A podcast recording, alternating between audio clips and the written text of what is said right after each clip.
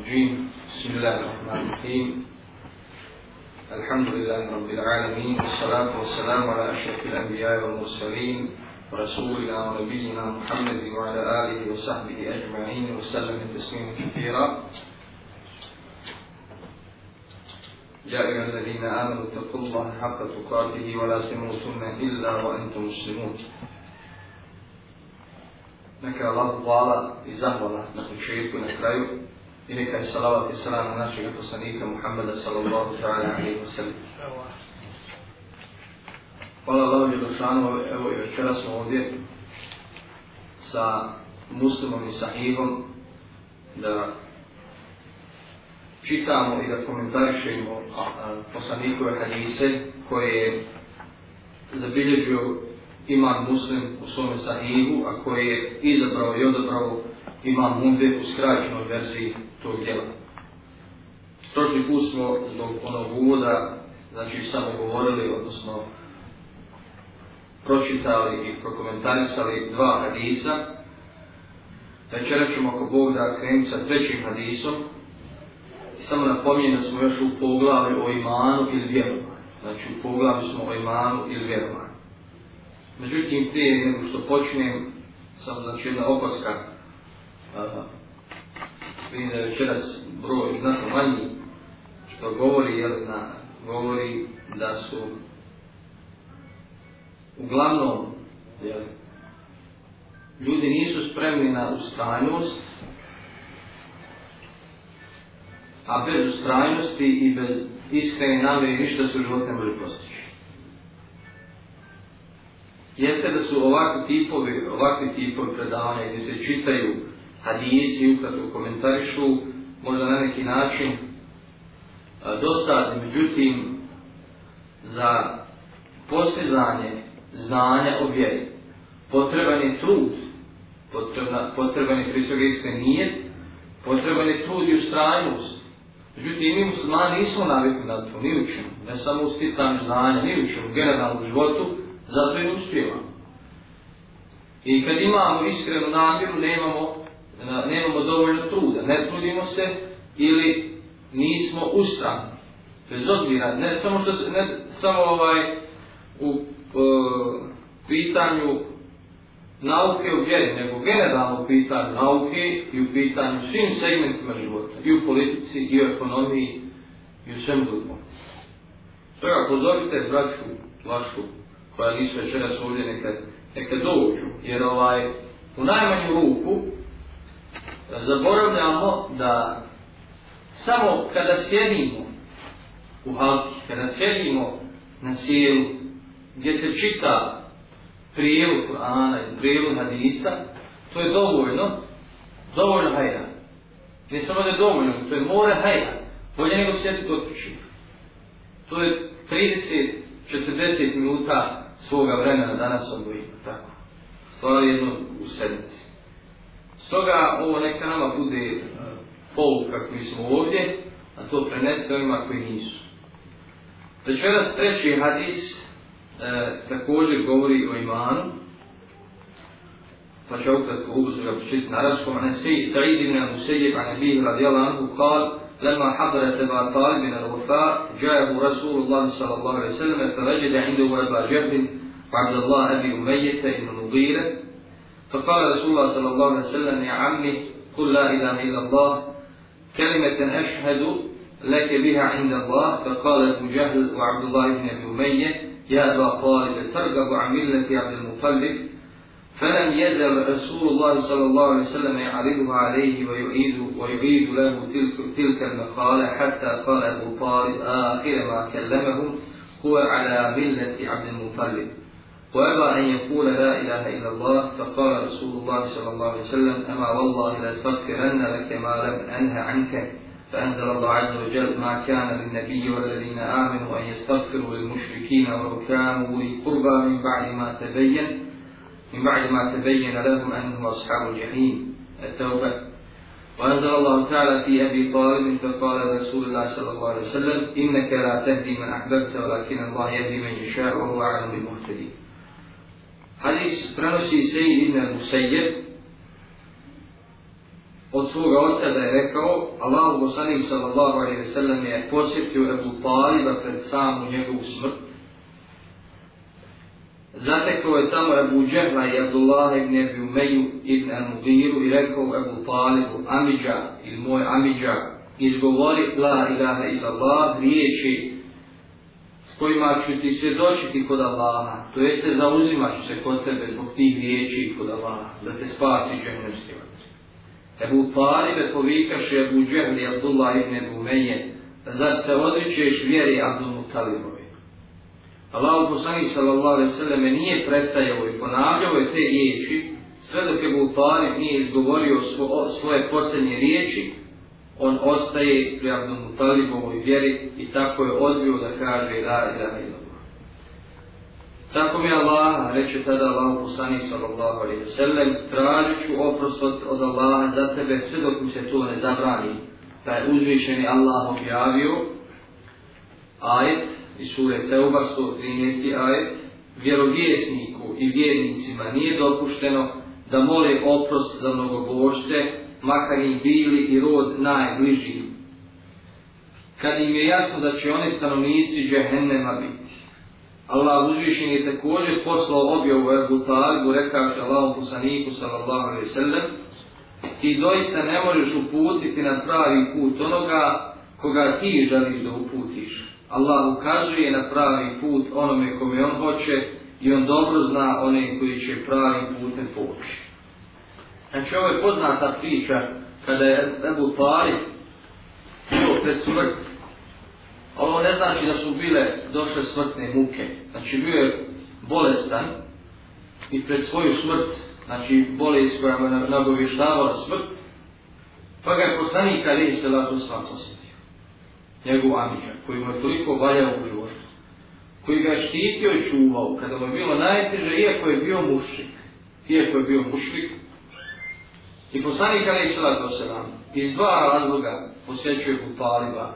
Prvo, što pokušava da ga spasi vječni vatre džehennemski u zadnjim momentima njegovog života. A drugo, znači što ga za njega vežu, vežu ga rodbinske veze, ipak mu je znači Amidža, i veže ga ta posebna veza. Kažem, Ebu Talib je pomagao ovog poslanika Resulata, sam bio mu zaštitnik, u vremenu, znači u Meki, kada su ga korešije proganjale, zlostavljale i kada su htjeli da ga ubiju. Krajnji cilj je bio da ga ubiju. I vidimo ovo hadijesu, poslanik Ali Islata sam došao da ga posjeti, jer to je bio Buđevni Abdullah ibn Gumeje, poznati mušli s tog vremena. I došao mu kaže Amidža, resi la ilaha Arabi su znali što znači la ilaha ilaha pošto je to znači njihov materni jezik, kad kaže la ila ila, znači negira sva druga božanstva. Sva druga božanstva mimo Allaha negira. I znali su šta povlači taj džehade, to sljedeće. I kada bi to kazali, odmah znaju jeli, šta im je činiti. Kao to su znali ova dvojica koji su došli da ga otračuju, odnosno da ga sačuvaju na njegovoj uh, idolopokloničkoj vjeri. I Šta kaže poslanik kada je Islata Islam? Aviđa izgovori la i dan ila vla, riječi s kojima ti svjedoči kod Allah. Ovdje ćemo se malo zadržati i postavlja se pitanje, da li je dovoljno čovjeku, da li će ga sačuvati to džehennemske vatri ako kaže la i dan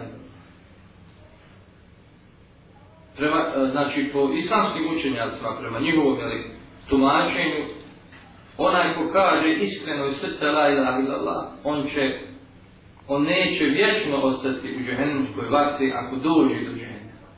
Onaj ko iskreno iz srca kaže la ilaha illallah, kao što ćemo vidjeti u ovom posle jednom hadisu, ko to kaže bez imalo sumnje iskreno, neće vječno ostati u džehennemu ako dođe do džehennema. Jer kaže, planitali je s kojima, s kojima svjedočiti kod Allaha, odnosno zauzimat ću se za tebe kod Allaha.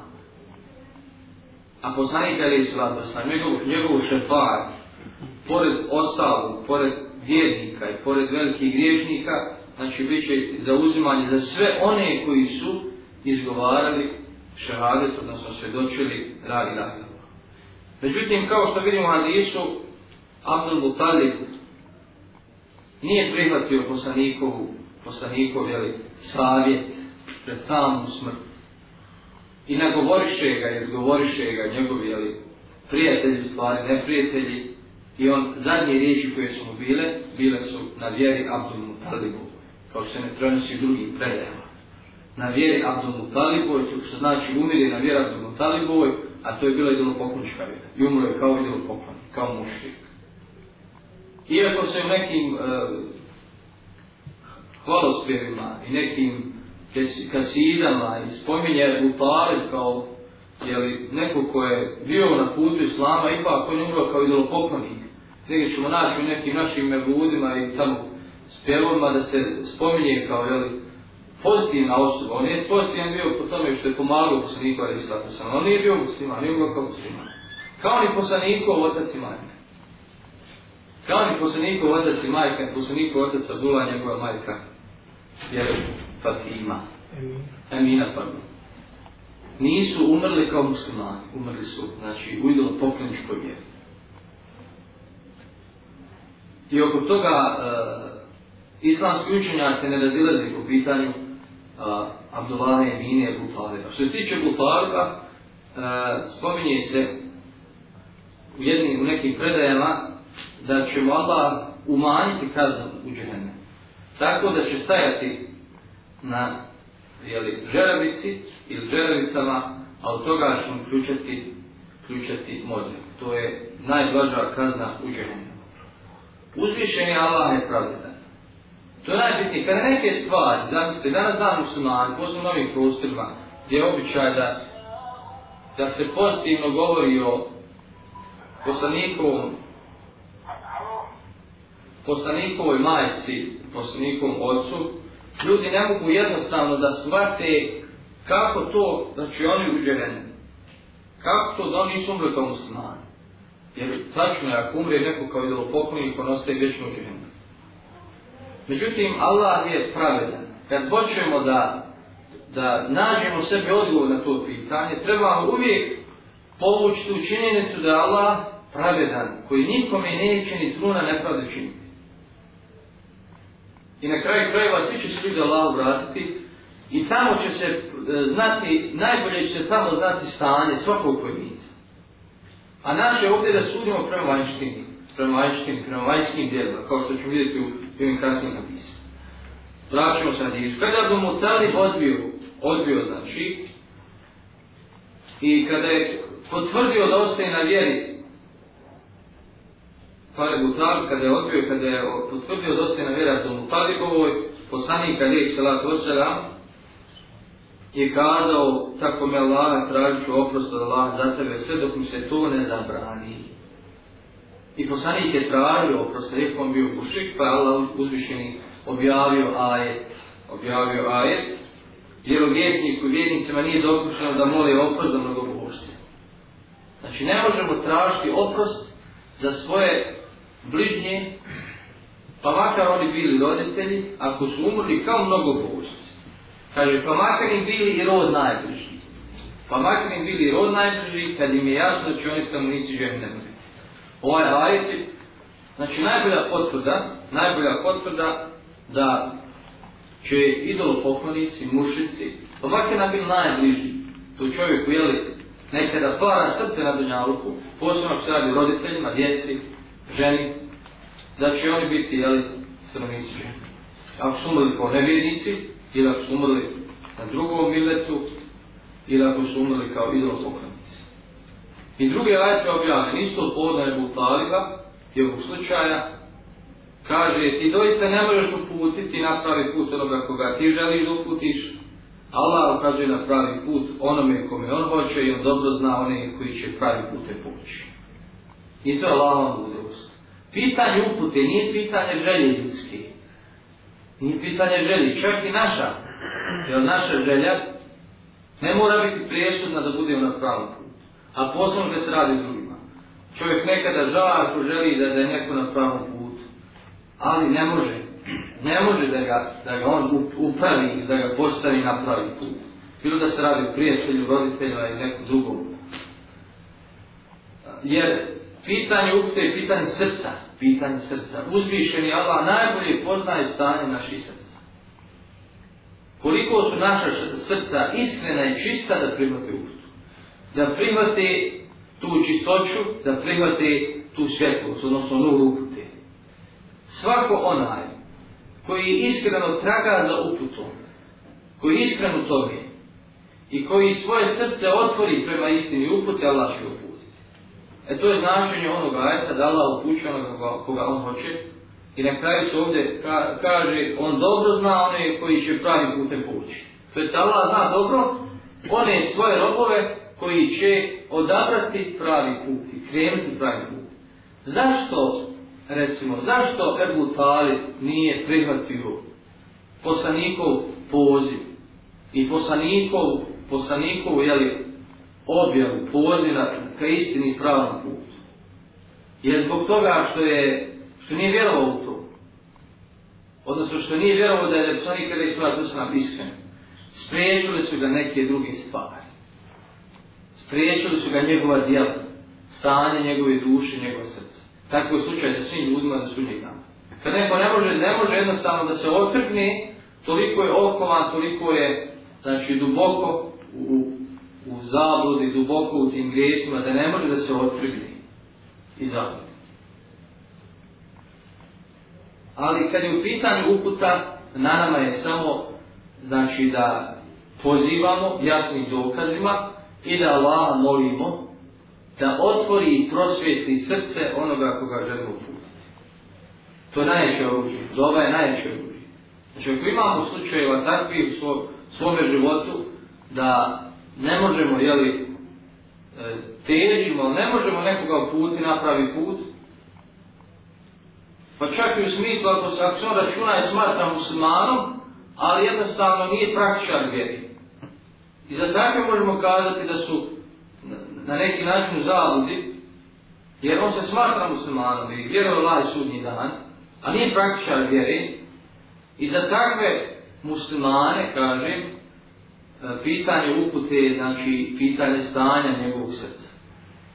I za njih isto trebamo, znači, da molimo Allah subhanahu wa Četvrti hadis govori o također o imanu i riječima la ilaha illallah, pa kaže Nabi Hurajra radijallahu anhu, kad lema tufi Rasulullah sallallahu alejhi ve selleme, فاستخرج أبو بكر بعده كفر وكفر من كفر من العرب قال عمر بن الخطاب رضي الله عنه لأبي بكر رضي الله عنه كيف تقاتل الناس وقد قال رسول الله صلى الله عليه وسلم أمرت أن أقاتل الناس حتى يقولوا لا إله إلا الله فمن قال لا إله إلا الله قد عصم مني ماله ونفسه إلا بحقه وحسابه على الله فقال أبو بكر رضي الله عنه والله لو قاتلن من فرق بين الصلاة والزكاة فإن الزكاة حق المال والله لو منعوني قال كانوا يردونه إلى رسول الله صلى الله عليه وسلم لقاتلتهم على منعه فقال عمر بن الخطاب رضي الله عنه فوالله ما هو إلا أن, أن رأيت رأيت الله قد شرع صدر أبي بكر القتال فعرفت أنه الحق Kaže, poglavlje, naređeno mi je da se borim protiv ljudi sve dok ne kažu Od Ebu Hureyre radi Alamu se prenosi da je rekao, nakon što je umro Allah u poslanih sallallahu alaihi sallam, je Ebu Bekr postao halifa, a odmetnuo se od Islama, ako se odmetnuo od Arapa, Omer ovaj ibn Khattab je rekao Ebu Bekru. Ovdje ću malo sad, znači, nakon tolikoj smrti, mnoga plemena, ili jedan dobar dio plemena se odmetnuo od Islama. Pa Ebu Bekr, kao halifa, poslanikov namjesnik, u hilafetu islamskoj državi, tada je posebno, znači hilafet ili islamska država, utemeljena na islamu, na Kur'an. Poslanik je bio i duhovni vođa te države hilafeta, bio je znači i politički vođa i bio je i vojni vođa. I kada je umro poslanik Ali Islata Salam, Ebu Bekr kao halifa prvi donosi odluku da se protiv ovih plemena povede borba, da ih silom vrati u islam i da ih silom natjera da izvršavaju islamske obaveze. To je bilo malo začudno Omeru, Omeru koji je bio poznat kao strog. A tada bio Omer, znači bio je u nedomnici, šta činiti?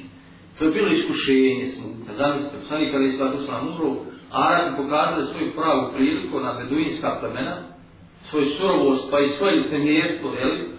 I odreku se od islama. Neki su u potpunosti ostavili islam i priključili se lažnom poslaniku, Museljemi, u imami, jeli? Museljemi je predal, a neki El Esved u Ransi u Jemen, bila su dva lažna poslanika u Turiji. Oni se proglasili poslanike i ovi počeli slijediti. Zašto? Jer to bilo pitanje čiste zavode, što nikada nisu istinno povjerovali, ili je to bilo pitanje koristi.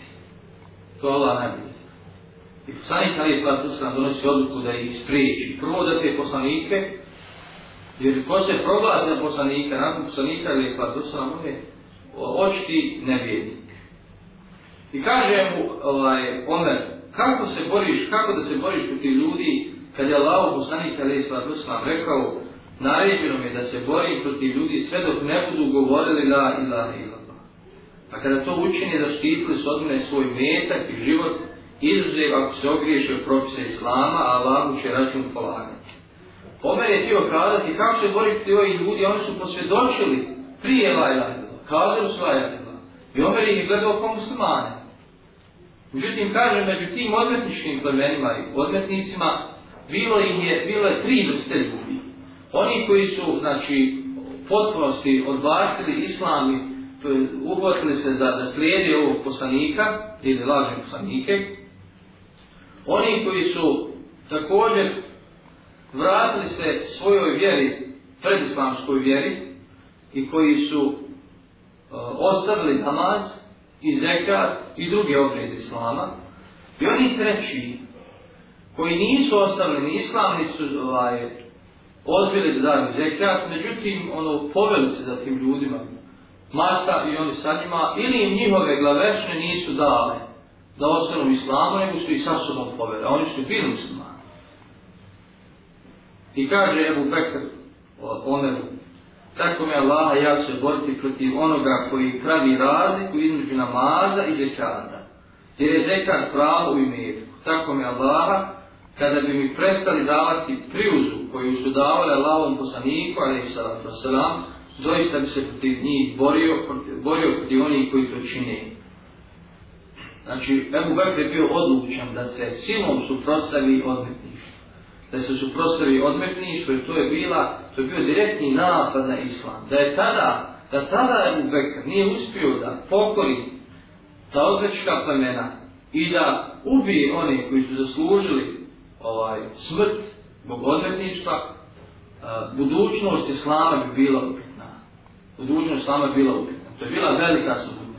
Pa Allah dadne u svakom vremenu ljude od imana, odlučne, jer vjera je bila uspostavljena, i hilaf je bio uspostavljen. I svaki pokušaj i svaki ovaj, svaki događaj koji je direktno rušio hilafet i islam morao se spriječiti silom. Sila je u islamu, znači, odobrena, odnosno ona se odobra određenim momentima. Ne može se, čak i u drugim sistemima koji nisu islamski, bez sile nekada se ne može uspostaviti Pa nekada se moraju i glavi skidati, da bi se red uspostavio. Tako je svugdje. Tako je svugdje. Pa čak i u demokratskim, pod navodnih sistemima, gdje se glave skidaju zbog fesade nereda. U Americi je nas nasmrtna kada. I u drugim, mnogim drugim zemljama je nas nalazi smrtna kazna, ali problem ako se smrtna kazna spavodi u nekoj muslimanskoj zemlji, ovaj to tiranija, nasilje i tako dalje, kršenje ljudskih prava, a u drugim zemljama nije. Znaju li da kod nas, da bez sile i bez ovaj, prisile nekada nema, ne, ne može se red postaviti. Jer imate ljudi, imate tri vrste ljudi. Imate one ljude za koje nije potreban zakon, odnosno nisu potrebne sankcije. To su oni koji su iskreni, koji su moralni, kojima dovoljen Allah, za njih ne trebaju sankcije imate one ljude za koji, koji, koji imaju korist sa, od sankcija. Boje se sankcija ako neće to ispreći da čine zlo. I imate one ljude kojima ni te sankcije ne vrijedi, nego i vrijedi samo glavski instrument. Tako je svugdje, to su vrste ljudi, znači u svim društvima. I kaže Abu Bekr, eh, Omer ibn Fattah kaže, tada Tako mi Allah, vidio sam da Allah otvorio Bubekrova prsa za borbu, shvatio sam da je upravo. Znači, Omer je shvatio da je Bubekro odlučio čvrsto da se bori i da nema drugog načina da se, da se to zlo suzbi i je Bubekro je uspio.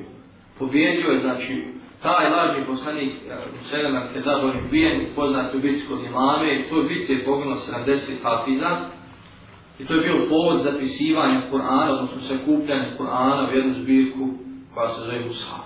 Pošto do tada Kur'an nije bio sakupljen Mushaf, nego je bio, znači, pamćen na pamet i bio je zapisivan, e, znači, nije bio neki u dijelom, u dijelom je bio kod ljudi, kod ovog pola Kur'ana, kod jednog dijelog i tako dalje.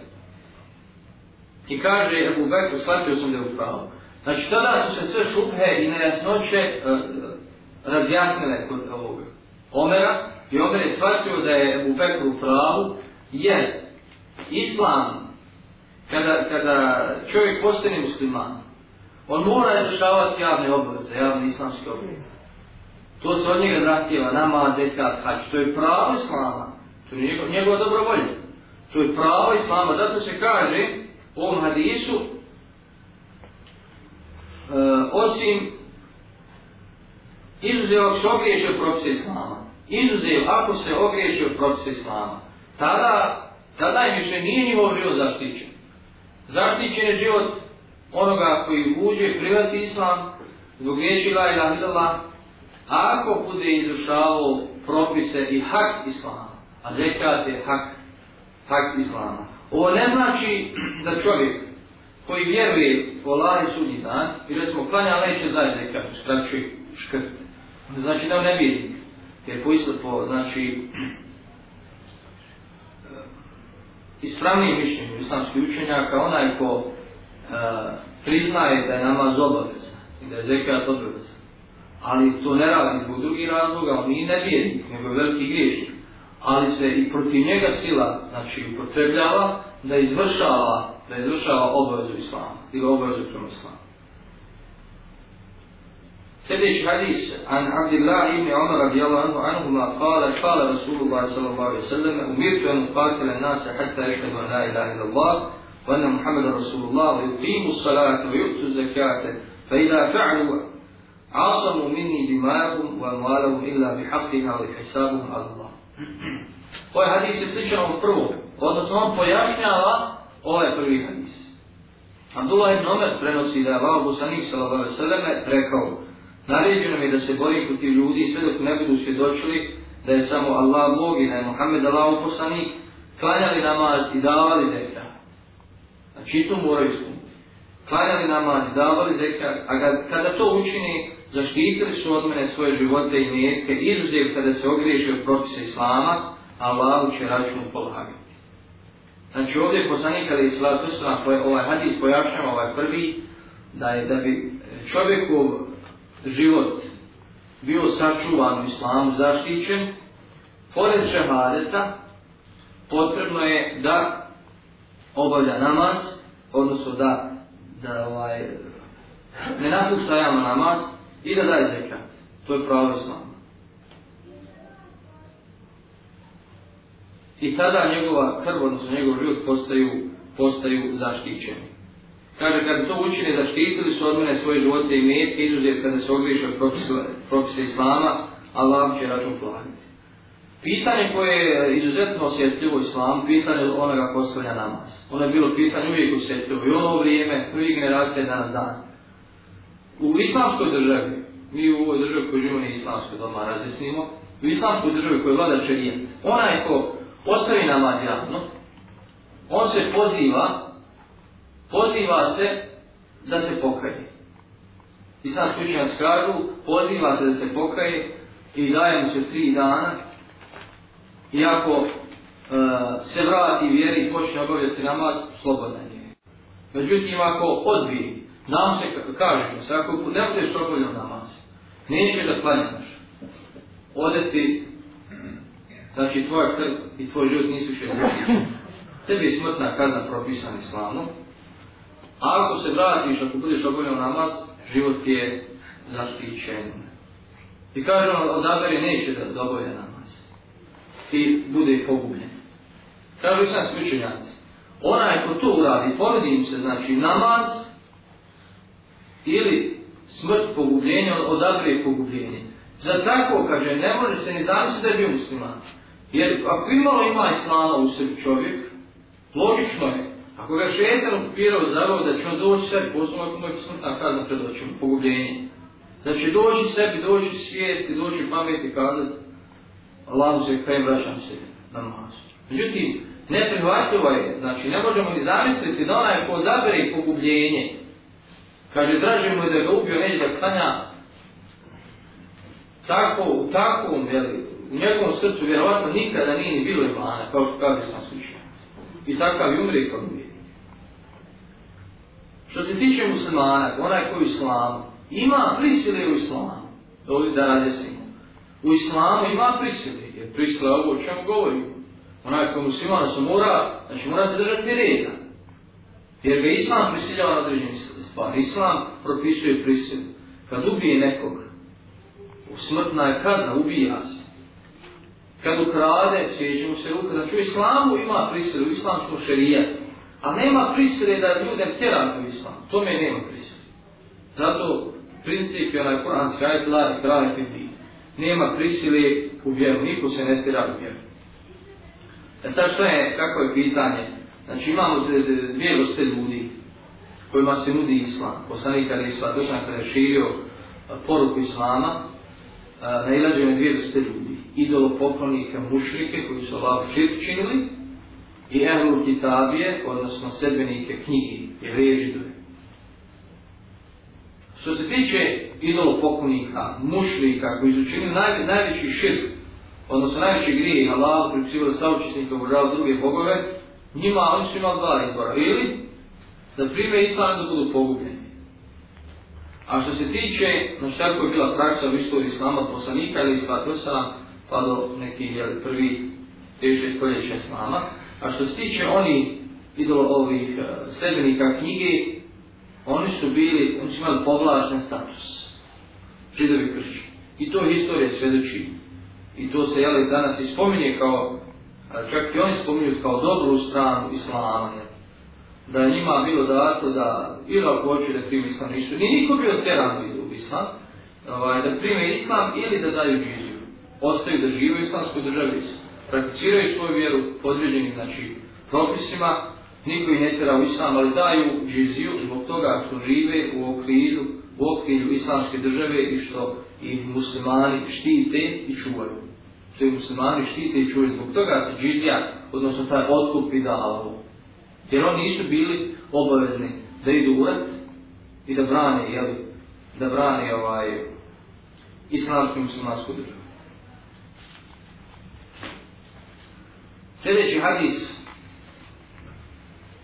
također govori o riječima la ilaha illallah pa kaže Babu man katala rađena min al-kufari بعد قال لا إله إلا الله عن المقداد بن الأسود رضي الله عنه أنه قال يا رسول الله رأيت إن لقيت رجلا من الكفار فقاتلني فضرب إحدى يدي بالسيف فقطعها ثم لاذ مني بشجرة فقال أسلمت لله أفأقتله يا رسول الله بعد أن قالها قال رسول الله صلى الله عليه وسلم لا تقتله قال فقلت يا رسول الله إنه قد قطع يدي ثم قال ذلك بعد أن قطعها أفأقتله قال رسول الله صلى الله عليه وسلم لا تقتله فإن قتلته فإنه بمنزلتك قبل أن تقتله وإنك بمنزلته قبل أن يقول كلمته التي قال أما الأوزاعي وابن جريج ففي حديثهما قال أسلمت لله وأما محمد ففي حديثه فلما أهويت ليقتله قال لا إله إلا الله. يو إلى زنيم الحديث موسم يقول يو أوتوما أوبوسيل سما لا إله إلا الله. إزغوارا لا إله إلا الله. كان يكوبي نبيني كان أكوش تزغوي لا إله إلا الله. هو سعدي في سوق الأسئلة على اختلاف مستعانية. Kada, su, kada muslimani ratuju sa nevjernicima, pa ovaj, nevinih prije nego što je ubije muslima do ima. Ovaj. Kaže Al Mitar ibn Rasul upitao Allah, Allahu poslaniće šta kažeš ako se sukobim sa nevinikom koji se boji protiv mene i sam do mi osjeću ruku. Zatim se sakrije za drvo i kaže prihvatam islam. Smijem li ga ubiti nakon što je to rekao? Ne smiješ odgovorom Allahu poslaniće. Allahu poslaniće, on me osjekao ruku, a onda je rekao hoću li ga, onda je rekao hoću li ga ubiti i ponovo je pitao. Ne smije ga ubiti, jer ako ga tada ubiješ, on će biti u položaju u kojem si ti bio prije nego što si ga ubio, a ti ćeš biti u položaju u kojem je on bio prije nego je, nego je to izgovorio odgovorno poslanik, sallallahu alaihi sallam. Ovo ja nisam malo nejasan, ako ga čitamo ovako, čitamo i nejasan, priđemo preko njega. Zato je bitno da se ovaj, hadisi čitaju s komentarom. U ovoj knjizi nema komentara, osim negdje malo nešto dole koja riječ rečenca. Bitno je da se hadis čitaju sa komentarom, jer mi vrlo često ne možemo shvatiti, ne znamo njegovo značenje, ili jednostavno ne možemo bez komentara, jel, ne možemo zaključiti poruku hadisa. Pa ovdje je znači pravilo da mi sudimo, sudimo o ljudima na osnovu onoga što kaže. Pa ako neko kaže la ilaha illallah, mi sudimo da on šta? Sve muslima. Bez obzira što je u njegovom srcu. Zbog toga što je nama prepušteno da sudimo po vanjštini, a ne znači po ovaj, njegovoj unutrašnjosti, nutrini, stanju srca, nam to nije poznato. To nam nije poznato, vidjet ćemo onom hadisu koji dolazi po sebu. To nam nije poznato. Zato, i ovo je, ovo jedna korist, jedna pouka za nas u vremenima. Danas, ako čovjek kaže da je musliman, kaže la ilan, vjerujem Allah, mi moramo znači, o njemu suti kao da muslima. Šta u njegovom srcu, to se Allah prepušta. Jer kaže ovom sadijetu kasnije, od Usama ibn Zejda, a jesi li ti raspolutio njegovo srce i saznao da li tu iskreno rekao ili ne? Mi se često varamo, mi ne znamo gaj, a gaj je ono što je u ljudskim prsima, mi, u njegovom srcu. Nekada nama izgleda da je neko neiskreno u biti, nije tako. Često se varamo. Nama je ostavljeno da sudimo po vanjštini. I kaže, osjekao mu ruku i to ću ga ubiti. Ne, ako rekao laj, laj, neću ga Vidimo koliko islam tolerantan i koliko pazi, jeli, na, na pitanje šehadeta i na pitanje rada da bi Taj ne smije ga ubiti jer ako, ako ga tada ubiješ, nakon što kaže laj, laj, laj, laj, on će biti u položaju kojim si ti bio prije nego što si ga ubio. To jeste to, u tom slučaju kada on kaže la ilaha illallah, ila, njegova, njegov život je zaštićen. Njegova krv je zaštićena. Kao što je tvoja bila zaštićena prije nego što si ga ubio. A sad kad si ga ubio, tvoja nije zaštićena. Što? Jesi ubio čovjeka koji je po vanjštini muslima, a za ubijanje muslimana ovdje glava. Znači ovo je Hrnik da divni esve. A u drugom hadisu do same ibn Zejda kaže, u same ibn Zejda je ubio tog nevidnika, u ispotku nadalo, Kaže, la ja vila, i Usama ga ubio. I poslanik Ali Islatu sam ga ukolio red toga. Što si ga ubio? Šta ti sad? Šta ti sad ti njegovi la ja vila nas uđi tamo? Pa ja to dosta leđima. Kaže, on je, Allah poslanik je to rekao, zbog straha od smrti, od ti znaš. Od ti znaš, to je rizik, kriskovo su ubio si. I kaže, kad svatova dio Anise, kaže, kaže, Ako ga ubiješ tada, on će biti u položaju kojem si ti bio prije nego što si ga ubio. Znači u tom slučaju, kad je rekao la ila ila la, njegov život postaje zaštićen, gotovo je, stop.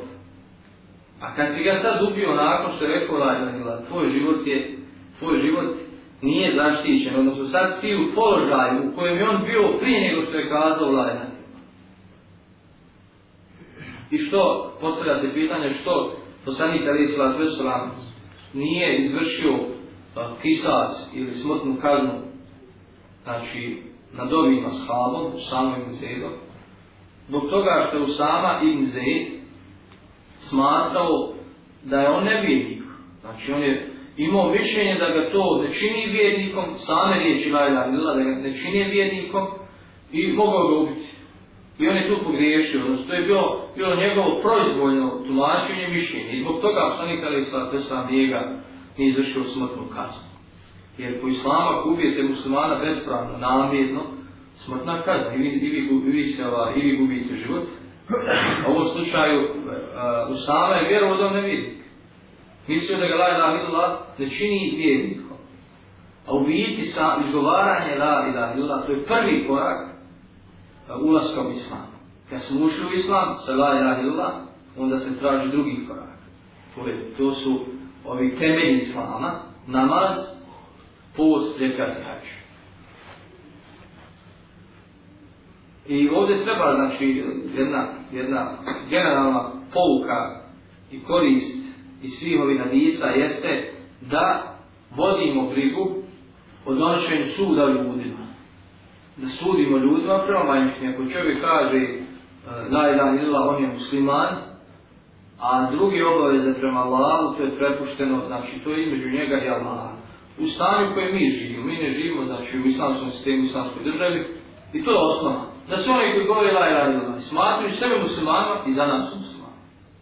Sve dok ne budu, znači, javno, sve dok ne budu javno se odricali, odnosno, nijekali islam, njegove temelje, sve dok javno ne kažu da napuštaju vjeru i da nisu muslimani. Naravno, postoje djela koja čine i riječi, koja čine čovjeka e, nevjerniku, koja izvede iz vjeri, ali to opet pitanje e, ne ostavlja sve nama da mi sudimo pojedinačno budima. Mi za određeno djelo možemo im kazati da je to djelo nevijestva, ali za određenu osobu koja je učinila to djelo, to je nešto drugo. Za nju mi ne smijemo i ne možemo kazati da je nevini da se ne ispune toj džini ubijeti. Bojite kako biti ovim vremena kada je to pitanje ovog tekfira, osuđivanja muslimana za nevinike raširano među muslimanima, to je opasna jedna smutna i pitna koja, koja je ovaj, prijeti muslimanima, muslimanskom jedinstvu, zato trebamo biti krajnje oprezni. Osnova je da muslimani koji se izrašnjavaju kao muslimani, da ih smatra muslimani. A njegovo stanje, njegove duše i srca prepuštamo Allah. Ja molim Allah subhanahu wa ta'ala da ove riječi budu odkori svima nama, ja se nadam da smo se koristili i da ovo, ove trenute koje smo proveli, e, da je Allah upiše u stranice naše dobiti. Ako ima pitanja vezano za ono što smo govorili u četvrtu, Možda nijemo, a vezano je da muslimo. Imaš tu Haris 716. 6, 716. Jel broj je pisao to? Šest, pa je...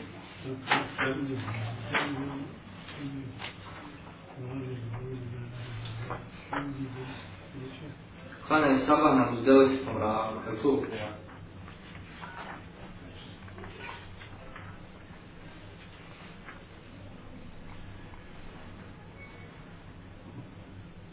kaže, Abdullah ibn Mesud je rekao, pa nikada nisam vidio lavu, sam vidio sve da nikada ne namaz koji je vrima svih dva namaza, akšom i aciju, koji je spojeno uz delet i saba koji je taj dan kanju prije vremena. Malo ono... Jedna dole komentar koji je dao prevodlac ovog djela, znači čovjek je rekao, da sam nikada nije klanio namaz, uvijek je kada namaz u njegovo vrijeme pravo vrijeme, osim dva slučaja, Akšam i Jaciju, je spojio na Muzdelifi. Spojio je, znači, Akšam i Jaciju na Muzdelifi. I to je ovaj, razumljivo. Međutim, pitanje ovdje Saba. Saba koji je taj dan kranio u prije vremena. Sad ovdje je li... E, ima, ne znam, ima još jedan hadis. Onaj, on je bilo na istu za noćni namaz. E, pitanje ono sabaha po akciji Aha. i prepuštanje 15 minuta. Mislim da se tu odnosi to prije vremena da je ono... Uh, Mislim da je ono dobro. Ima hadis kaljio znači sa sabaha noći namaz i došlo je vrijeme sabah namaze. Proučio je jedan i odmah sklanjao sabah, a nisu raspoznalavali onaj prijatelja druga koji je bio do njih ono, znači, može li se u ispravan sabah namaz kuvati i ono upeti, a ne da kuvaš prepušta? U osnovi je, nije obavez da se prepušta. Znači, ovdje je pitanje je kao lažni zori, odnosno ja. sumljivi zori. To je sumljiva zora.